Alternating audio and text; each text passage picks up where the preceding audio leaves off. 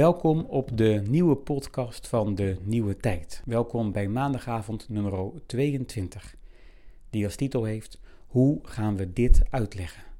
Dat is dezelfde titel als het eerste boek van Jelmer Mommers, klimaatjournalist, bij de correspondent.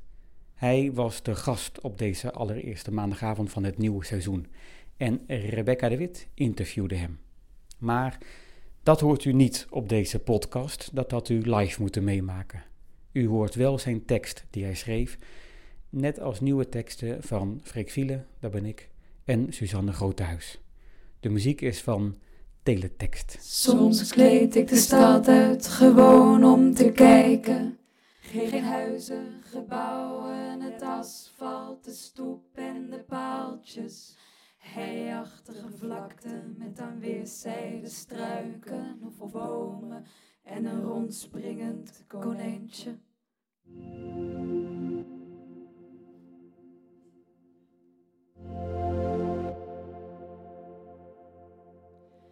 Soms kleed ik de stad uit gewoon om te kijken.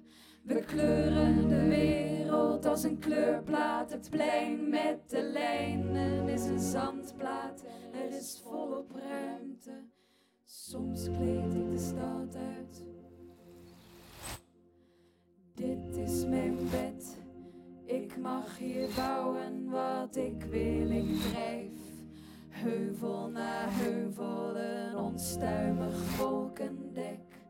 Mijn donsdeken schaats door een witte stad.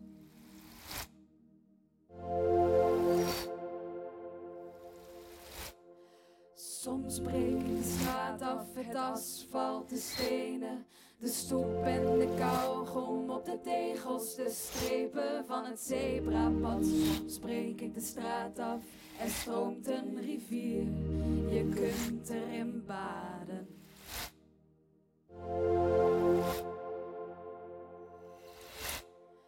Dit is mijn bed, ik mag hier bouwen wat ik wil, ik drijf. Heuvel na heuvel, een onstuimig wolkendek. Mijn donsdeken schaats door een witte stad. Via een opening stroomt het zeezoute water de huizen in. De stad is geen stad, is een leeg wit veld.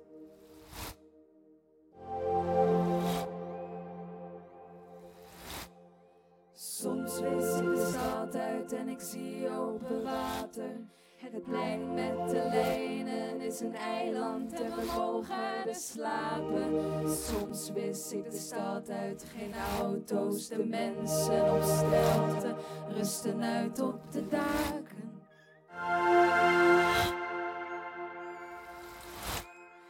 Dit is mijn bed. Ik mag hier bouwen wat ik wil, ik drijf. Heuvel naar heuvel, een onstuimig wolkendek. Mijn donsdeken schaats door een witte stad. Via een opening stroomt het zeezoute water de huizen in. De stad is geen stad, is een leeg wit veld.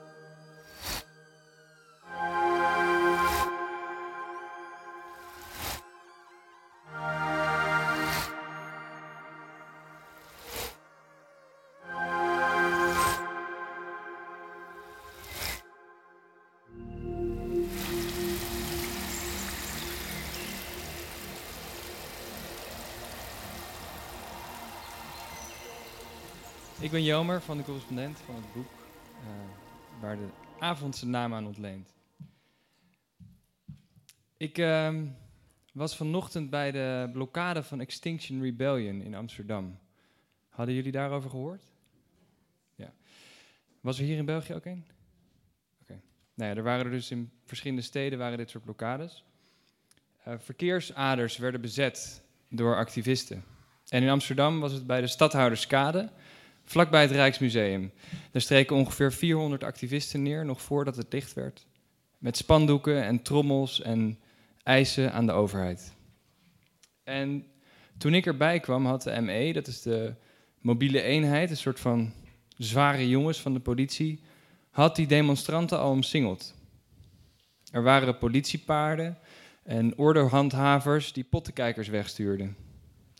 Ik zei dat ik van de pers was en vrij moest kunnen bewegen, waarop een handhaver zei: Nu even niet. Juist nu, zei ik, altijd. Hij antwoordde dat ik vooral door moest lopen als ik de ME over me heen wilde krijgen. Daar was ik niet op voorbereid. Er werden op dat moment ook al mensen gearresteerd en ik moest vanavond hier zijn. Dus ik dacht, ik kan vast op jullie begrip rekenen als ik zeg dat ik me heel braaf heb gevoegd.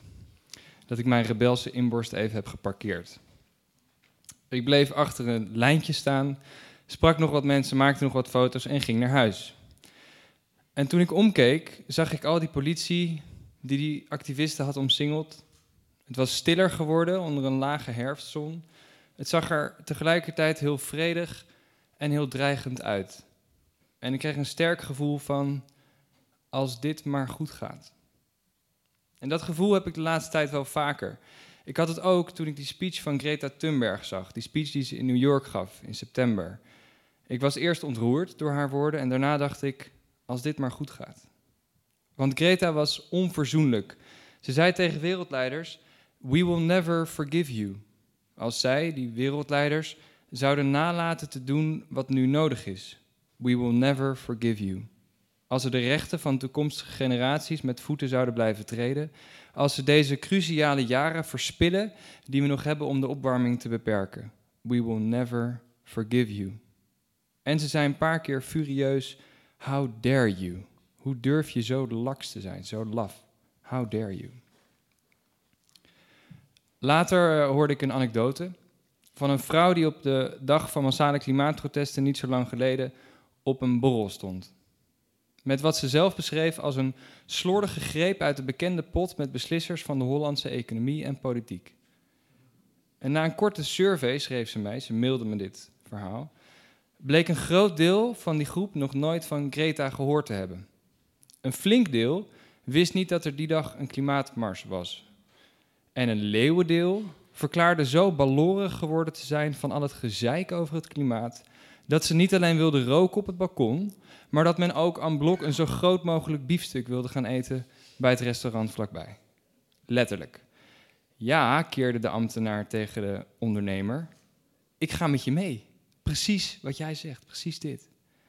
En de directrice van het debatcentrum riep dat we het nu wel hadden gehad met het moralisme. We mochten al niet meer snuiven, niet meer naar Bali. En er kwam dan nu ook nog die dood, doodenge asperger bij, haar woorden, die ons ook nog toesprak als een kleuterjuf. Het was tijd om onze vrijheid weer terug te eisen. De satirische website De Speld plaatste eerder dit jaar een artikel Tips om te voorkomen dat ze je vlees afpakken. Het begon zo. Ze komen je vlees afpakken. Mensen die zeggen dat ze het milieu of je gezondheid belangrijk vinden, maar ook mensen die zeggen dat ze je vlees heel zielig vinden. Hoe zorg je ervoor dat, je niet, dat ze niet bij je vlees kunnen? Hier zijn tips. De, e-, de eerste tip in het rijtje. Eet al, uh, eet al je vlees snel op. Een manier om te voorkomen dat, je, dat ze je vlees afpakken, is het allemaal snel op te eten. Knappe jongen die aan je vlees komt als het in jou zit. De tweede tip. Praat niet te veel met andere mensen. Ze komen steeds vaker met argumenten om je vlees af te pakken. Soms zeggen mensen daarmee dingen waardoor je je vlees niet eens meer wil. Daarom moet je niet met ze praten. Op die manier krijgen ze namelijk alsnog je vlees en dat moeten we niet hebben. Ja, goed, er waren nog drie tips. Ik eh, zou zeggen, zoek ze op. Mijn punt is een beetje dat klimaatactivisme weerstand creëert. Mensen krijgen het gevoel dat ze iets wordt afgepakt, dat hun vrijheid wordt ingeperkt. En daar wil ik het over hebben. Het gaat niet altijd op de manier die ik net beschreef, met die anekdote van die directrice op die borrel, maar die weerstand is er volgens mij wel steeds. In de woorden van mijn collega Arjen van Velen in een stuk recentelijk, hoe vaker je de apocalyps krijgt aangekondigd, hoe vaker je hoort dat jij je leven moet aanpassen, hoe sterker de behoefte groeit om de zware last van je schouders te smijten. En ik begrijp het. Ik begrijp het echt. Want wie de feiten van de klimaatwetenschap vertolkt, zoals bijvoorbeeld Greta dat doet, is bloedirritant. Want het klimaat heeft een hele harde logica, waar wij mensen maar moeilijk mee kunnen omgaan. De opwarming die wij nu veroorzaken is onomkeerbaar, althans op menselijke tijdschade. De ijskappen die nu verdwijnen komen niet meer terug. De oceanen die verzuren door onze CO2 blijven de komende eeuwen zuur. Het koraal dat afsterft blijft dood. Wij kunnen geen maatregelen nemen om dat weer terug te draaien, om het ijs weer te laten aangroeien, om de zee en het land weer te koelen, om de verzuring van de oceanen te keren en de koralen nieuw leven in te blazen. Met andere woorden, het klimaat onderhandelt niet met ons. Het reageert maar op één signaal en dat is de concentratie van CO2 in de atmosfeer. Zolang wij blijven uitstoten, stijgt die concentratie. En zolang die concentratie gevaarlijk hoog is, zoals nu, wordt en blijft het warmer. Er zijn dan mensen die op dit punt van het verhaal hopen op een soort van technologische fixes, quick fixes, zodat we dit allemaal kunnen oplossen. Maar ik verzeker je, er is geen quick fix voor een mondiale jaarlijkse uitstoot van 41 miljard ton CO2. Die uitstoot werkt door en die achtervolgt ons nog eeuwen.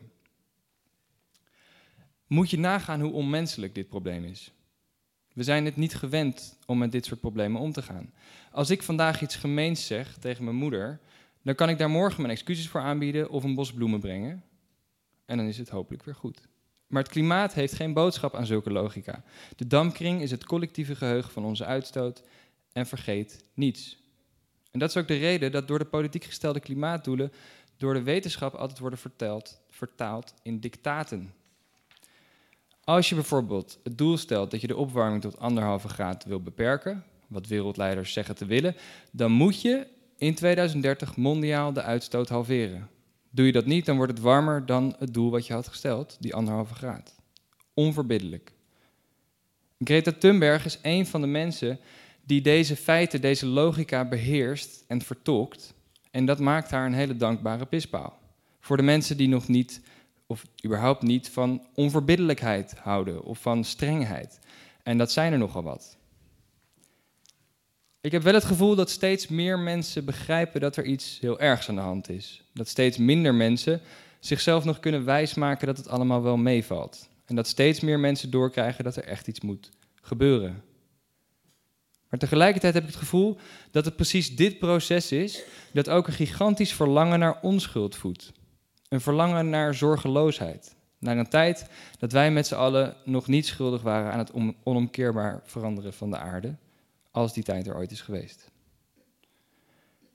Een van de jassen die dit verlangen aantrekt is ontkenning. Er zijn verschillende soorten ontkenning. Je hebt oldschool ontkenning van de feiten over klimaatverandering. En dat is steeds zeldzamer. Zoals er ook steeds minder mensen zijn die geloven dat Elvis nog leeft. Dan heb je ontkenning van de gevolgen van de opwarming. Zoals wanneer een hovenier uitgedroogde planten weer groen spuit. Tijdens de hete zomer van 2018 kwam er een hovenier in het nieuws die dat deed. En toen ik daar meer over ging lezen, kwam ik erachter dat in Amerika meerdere bedrijfjes geld verdienen met het groenspuiten van geel gedroogde gazons. Ja, ik wou zeggen, ja, precies. Dit ja. Dank je, Freek. Ja. In Amerika verdienen dus meerdere bedrijven geld met het groenspuiten van geel gedroogde gazons. Dit type ontkenning is bizar en niet vol te houden, want uiteindelijk uh, breekt die klimaatontwrichting hier altijd doorheen. Planten die je groen spuit gaan natuurlijk alsnog gewoon dood. En er is nog een derde type ontkenning. Je hebt ook de ontkenning van de consequenties van kennis over het klimaat. En die is heel wijdverbreid. Je ziet het bij mensen die wel de feiten over de opwarming accepteren, maar niet wat dat dan betekent. Namelijk dat we en moeten stoppen met vlees en moeten stoppen met vliegen en de benzinedeur, de, eh, de, auto de deur uit moeten doen, en ons huis verbouwen, en de gasleidingen vervangen, en de industrie ombouwen, en minder spullen kopen, en, en, en, en, en, enzovoort. En dit laatste type ontkenning, dat is nu aan het sneuvelen. Maar voordat het verdwenen is, maakt het nog heel veel kabaal. Is dit dan ook op te lossen? Kunnen de mensen die pleiten voor klimaatactie ook voorzien in het verlangen naar zorgeloosheid, in onschuld? Ik vrees het niet. Daarvoor hebben we het helaas al te ver laten komen. Het is nu al een ruim graad, een ruim graad warmer dan voordat wij fossiele brandstoffen begonnen te verbranden. En wij kunnen de opwarming hoogstens nog beperken en ons zo goed mogelijk aanpassen aan de gevolgen. Maar ik heb wel een paar ideetjes om mensen mee te krijgen om de weerstand wat te verzachten. Eén daarvan is het benoemen van de vele voordelen van een omwenteling. Ja, die gaat veel geld kosten, veel onrust veroorzaken. Maar we kunnen ook een gigantische buit binnenhalen. Een minder overhitte planeet, die aangenaam leefbaar is voor onze kinderen en andere soorten. Schonere lucht, nieuwe vormen van welzijn die niets met consumptie te maken hebben. Geen oorlogen meer over olie. Minder conflicten om schaarse grondstoffen en water. Een stabiele en betaalbare voedselvoorziening. Een leven voor de mensen die zich niet kunnen weren tegen de gevolgen van de toenemende hitte. Als we een duurzame omwenteling doorgaan, ligt dit allemaal in het verschiet. Dat betekent ook dat de verandering die nu eindelijk op gang komt, geen opoffering is. Dat al die dingen waar we dan mee stoppen geen beperking zijn van onze vrijheid, maar juist een verrijking ervan. En volgens mij kunnen we mensen best meekrijgen als er leiders opstaan die een goed verhaal vertellen.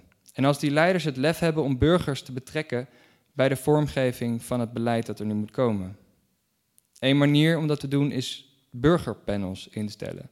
Dat zijn panels waaraan door loting geselecteerde dwarsdoorsneden van de bevolking de kans krijgt om zich over een onderwerp te buigen. Die kunnen zich verdiepen, die kunnen experts horen en vervolgens kunnen ze beleid voorstellen. En als we de omwenteling zo inrichten, dan zal er volgens mij meer draagvlak zijn om te doen wat nodig is. En volgens mij moeten we verder niet weglopen voor de schuld en de verantwoordelijkheid. Of voor het woord moeten, dat ik de hele tijd gebruik. Het woord waar zoveel mensen een hekel aan hebben. Ik denk dat we moeten leren, van het woord, uh, leren houden van het woord moeten, omdat er niks anders op zit. Wij mensen zijn nu machtige beestjes, machtig genoeg om het klimaat te veranderen en de samenstelling van de zeeën en de talrijkheid en verscheidenheid van andere beestjes die hier leven. De macht die wij hebben, moeten we nu gebruiken. En dit kan best een interessante tijd worden als we niet wegkijken, als we erbij blijven, als we alles wat er nu kapot gaat en alles op het punt en alles wat er nu op het punt staat om op te bloeien, goed in het vizier houden. We leven in een tijd waarin we tegelijkertijd een oud systeem moeten afbreken en een nieuw systeem moeten opbouwen. Dat vereist dat we bepaalde ideeën vaarwel zeggen en andere cultiveren. Vaarwel tegen het idee dat we het gevecht tegen klimaatverandering kunnen winnen. Dat hoor je nog steeds heel veel mensen zeggen. Dit is een gevecht, we gaan winnen. Maar dat is geen, volgens mij is dat geen eerlijke voorstelling van hoe het is. Dit is geen kwestie van winst of verlies. Het is geen kwestie van alles of niets. Het is niet de klimaatdoelen halen of met z'n allen verzuipen. Het gaat, zoals ik het net al zei, om het beperken van schade en ons zo goed mogelijk aanpassen. En volgens mij moeten we onverstoorbaarheid cultiveren. Doorzetten met die verduurzaming, ook als het steeds warmer wordt en de gevolgen van de opwarming zich steeds duidelijker manifesteren. Doorzetten omdat een wereld die 2 graden opwarmt veel leefbaarder is dan eentje die 3 graden warmer is. Wat we moeten cultiveren is het soort volwassenheid dat grenzen accepteert. Kijk, ik vind het klimaatprobleem ook super kloten. En ik heb ook heel wat uit te leggen als mijn kinderen me laten vragen waarom ik niet mijn hele leven overhoop gooide. Waarom ik bijvoorbeeld afgelopen weekend met een benzineauto en vrienden naar uh, beneden Parijs ben gereden om daar te klimmen. Op een eeuwenoude uh, verzameling rotsen die daar waarschijnlijk in een ijstijd zijn achtergebleven. En daar gingen we gewoon voor de lol heen. En waarschijnlijk zal ook ik de vraag krijgen waarom ik niet iets meer zoals Greta was toen het nodig was. En ik vind het best een moeilijke, want ik weet eigenlijk niet ook precies in hoeverre we allemaal zoals Greta moeten worden. In hoeverre we die ijzeren logica van het klimaat leidend moeten maken en hoe we het dan nog leuk houden. Maar wat ik wel vrij zeker weet, is dat extra biefstukken eten omdat je je persoonlijk genaaid voelt door de onverbiddelijkheid van het klimaat niet helpt. Ik heb de relatietherapeut Esther Perel wel eens horen zeggen dat jonge ouders een pact moeten sluiten. Ze zeggen tegen elkaar: Ik zie je over twintig jaar als de kinderen uit huis zijn. Dat is natuurlijk behoorlijk overdreven, hoop ik. Maar ik stel me voor dat er een kern van waarheid in zit, omdat kinderen een tijdje lang alles overheersen en omdat dat ook heel erg de moeite waard is. Nu is het klimaat het maatschappelijke thema dat een tijd lang alles gaat overheersen. En misschien is het niet zo gek om nu een maatschappelijk pact te sluiten. Dat we de komende decennia alles op alles zetten, erop rekenen dat we tegen heel wat hobbels zullen oplopen, dat we altijd te weinig doen en toch doen wat we kunnen, omdat het de moeite waard is. En dat we elkaar daarna weer zien. Ik kan weggaan, maar ik blijf. In mijn hoofd ben je dicht bij mij. Ik wil dat iemand me vervangt. Is dat de hemel die zo laag hangt? Niemand let op elk moment. Ik verdwijn zodra je me kwijt bent.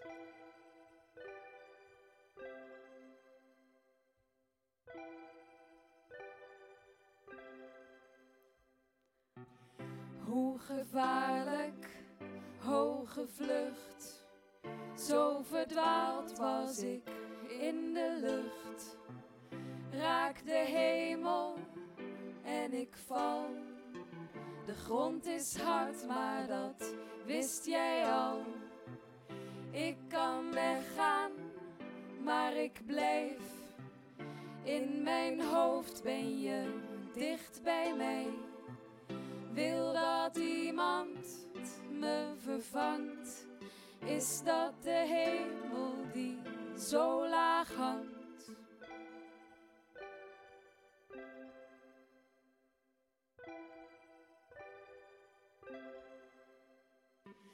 Laat ons wachten op een storm in het open veld.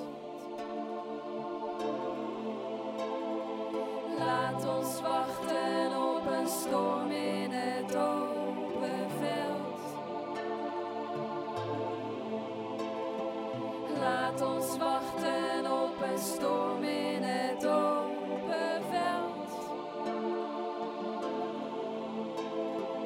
Laat storm in het open veld.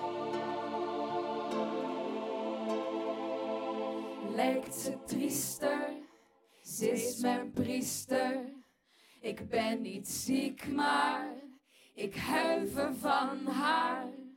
Ze bekeert me, ik ben triester zonder haar. Raak de hemel aan, we zullen levend gaan. We komen aan. Ja, dus eh, ik was een keertje eh, kreeft met friet aan het eten. Uit een plastic bakje, met een plastic bestekje en wijn in een plastic bekertje. Terwijl ik uitkeek over de zee en dacht, hè, wat heerlijk. Normaal ben ik ietsje strenger voor dit soort situaties, maar ik had het echt verdiend. Ik was bezig eh, een maand lang een monoloog te spelen op een festival. Het Fringe Festival, blijkbaar het grootste festival in Europa. 40.000 artiesten met zo'n 5.000 voorstellingen. En om dus vooraan te kunnen staan in het centimetersdikke programmaboekje, uh, heten heel veel shows ah, Bit of Shakespeare. ah, Night to Remember. Enzovoort. And it was all great. Amazing, so funny. What's your Twitter? Adorable. It's so annoying. One star, five stars, brilliant, pointless. What's her point? Awful, awesome, loved it, my favorite. En ik had er al 22 gespeeld, nog 6 te gaan. 5, 4, 3, 2. En vlak voor de laatste show nam ik op een voormiddag de trein naar zee. Weg van die bubbel, de drukte, de flyers die niemand aannam en die nu in de regen langzaam zwaar werden op straat en uit elkaar zouden vallen. En nu zat ik hier, met die welverdiende gegilde kreeft, terwijl ik uitkeek over een stormachtige zee met in de verte een gigantische besneeuwde rots. Een be besneeuwde rots. Het, het, leek echt het topje van een, een berg, de Mount Everest of zoiets. Iets wat boven het water uitstak.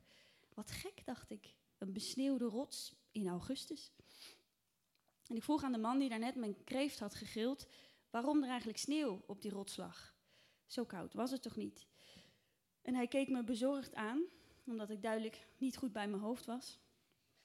Snow? No, silly, it's shit, zei hij.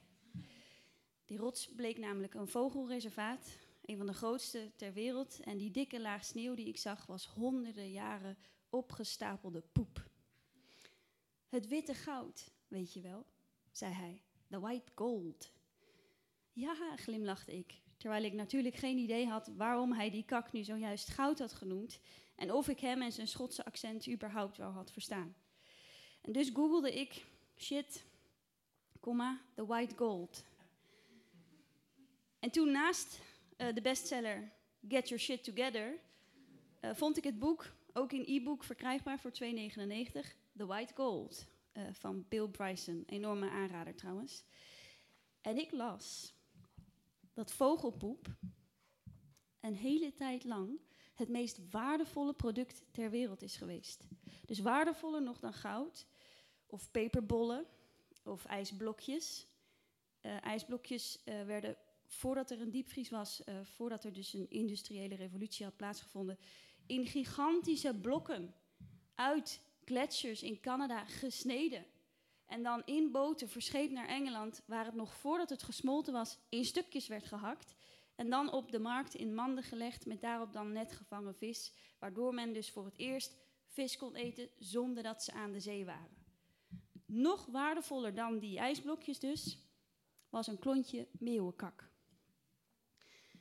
En het zit zo, las ik. Rond 1800 was iemand er namelijk achter gekomen dat de aardappels in Zuid-Amerika drie keer zo groot waren dan in Engeland. En het was gek, want ze deden eigenlijk precies hetzelfde. Aardappel in de grond steken en dan op het juiste moment. Uh, nee, ik bedoel, in de grond steken op het juiste moment. Even wachten en dan oogsten. Maar omdat er steeds meer aardappels nodig waren, raakte de grond leeg en uitgeput en ze hadden van alles al geprobeerd. Kattenhaar gemengd met veren, over de velden uitgestrooid, gemalen oesterschelpen, zeezand, as, zaagsel, krijt, gips, mensenkak. Maar niks hielp. De aardappelvelden waren moe. Tot dus een Engelsman in Peru een aardappel at en dacht: So do you wat een joekel. Een aardappel zo groot als een hele hand en zoiets had hij nog nooit gezien. En hij vroeg dus aan de paar overgebleven Peruanen die niet bezweken waren aan de Spaanse griep hoe het kwam dat die patatas zo grande waren. En zo kwam hij erachter dat dus de poep van vogels in combinatie met een aardappel een wondermiddel bleek te zijn. En toevallig bleek heel Zuid-Amerika, elke rots langs de eindeloze kilometers lange zee, bedekt met een hele grote laag witte kak. Hij schraapte een emmertje vol, nam het mee naar Engeland, gooide het op een veldje met aardappels en toonde niet lang daarna zijn reuze aardappel. En meteen daarna raakte iedereen totaal in paniek. Zoals dat vaak gebeurt als er net iets geweldigs is uitgevonden. Heroïne, de Billy Boekenkast. Dat iedereen dat dan als een gek begint in te slaan. Stel dat er niet genoeg is.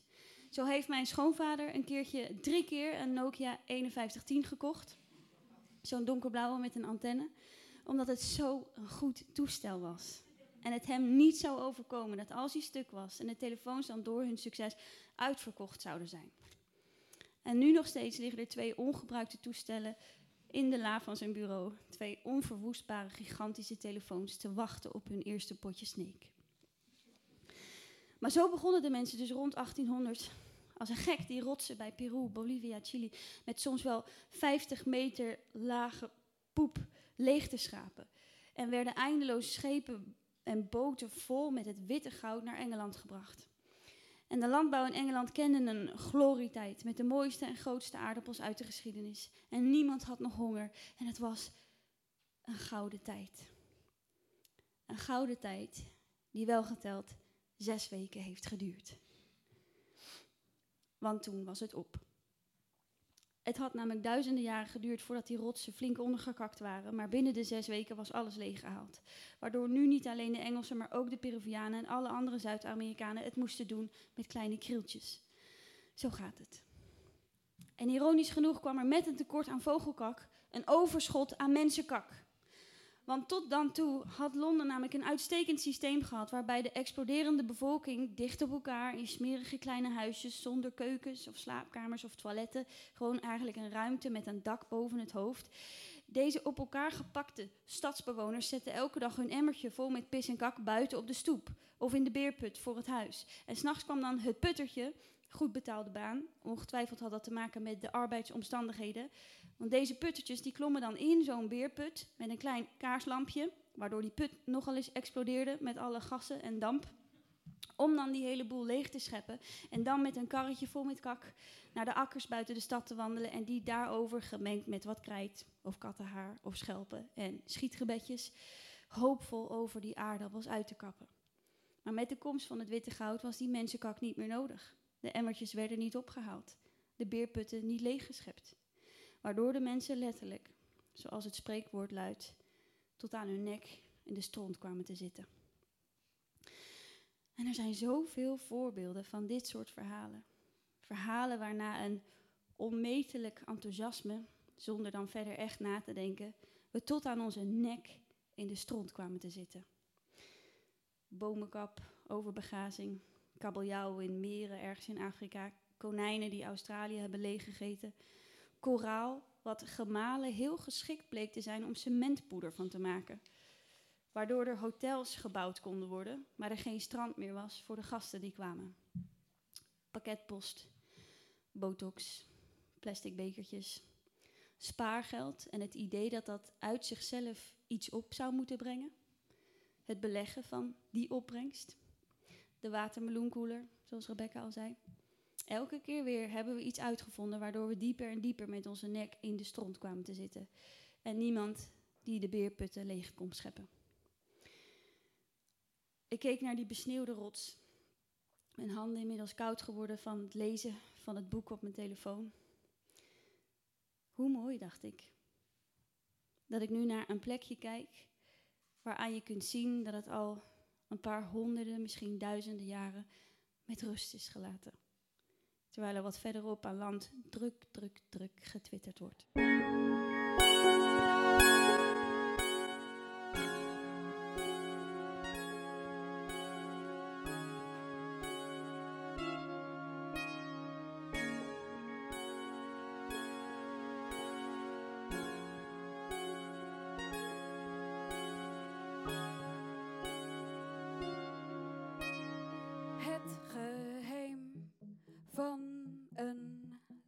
Station. Kijk niet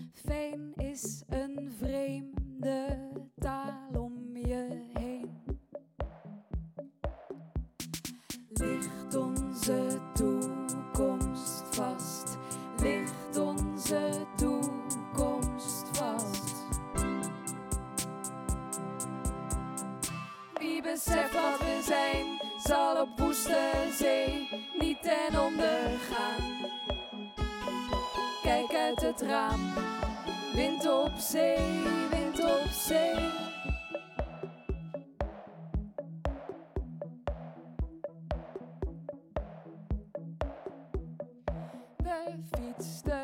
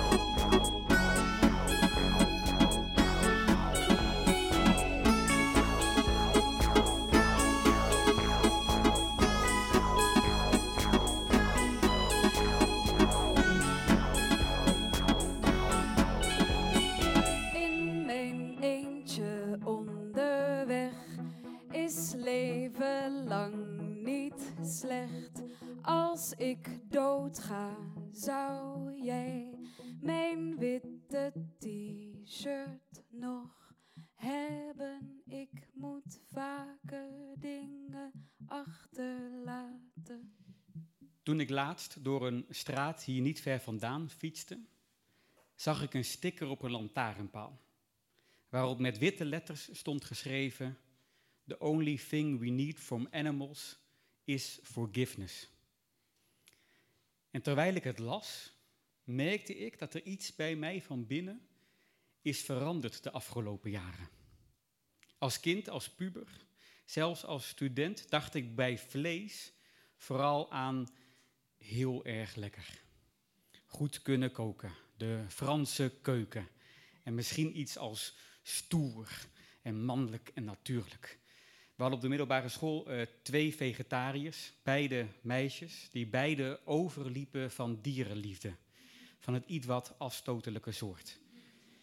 En veganisme kende ik enkel van een aflevering van Klokhuis, waarbij Frank Groothoff en Wieteke van Doort in jutezakken geen groente meer aten, omdat dat zielig was voor de planten.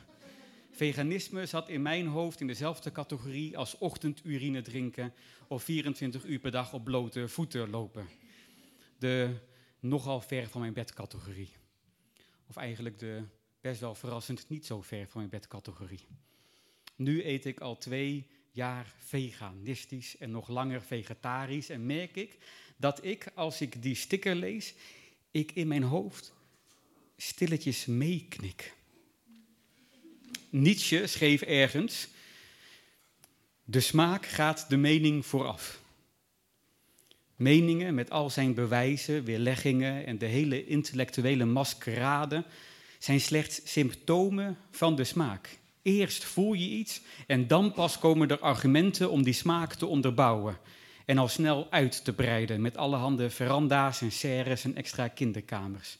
Je gras duint in de werkelijkheid om tot jouw waarheid te komen en die te onderbouwen.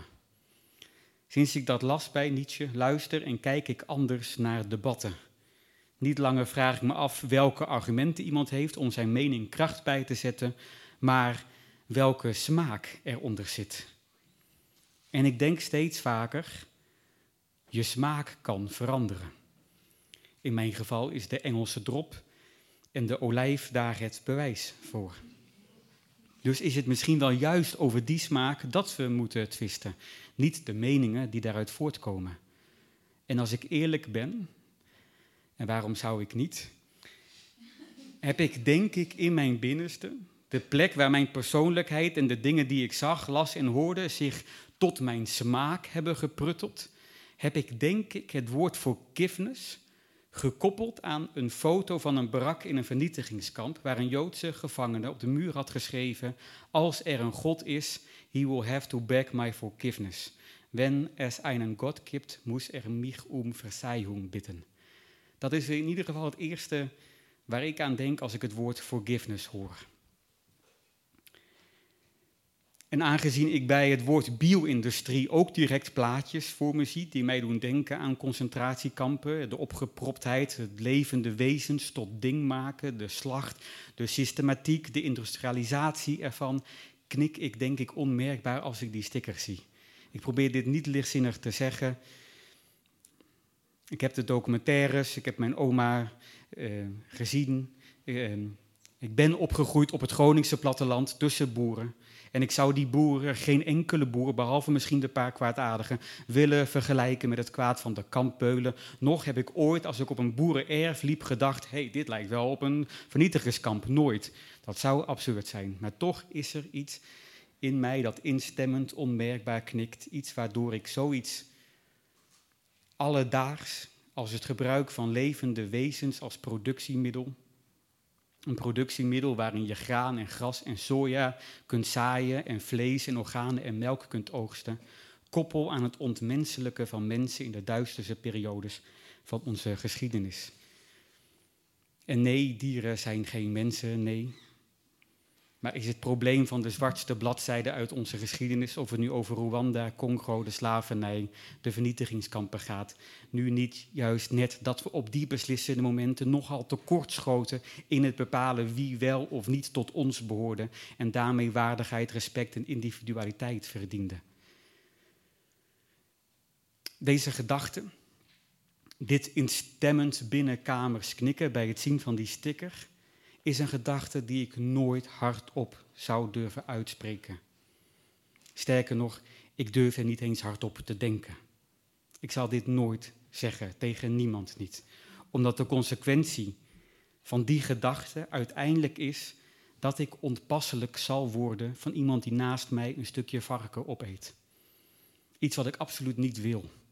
Omdat het dikwijls hele lieve mensen zijn die stukjes varkens opeten.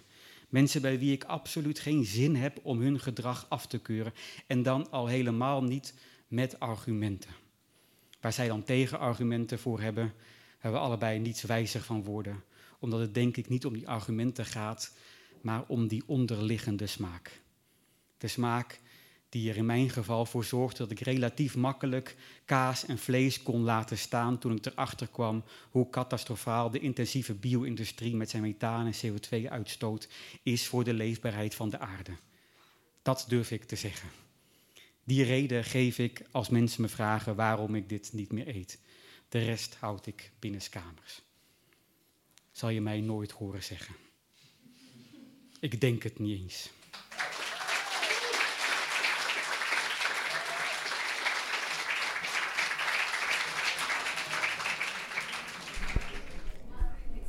Dit was maandagavond nummer 22.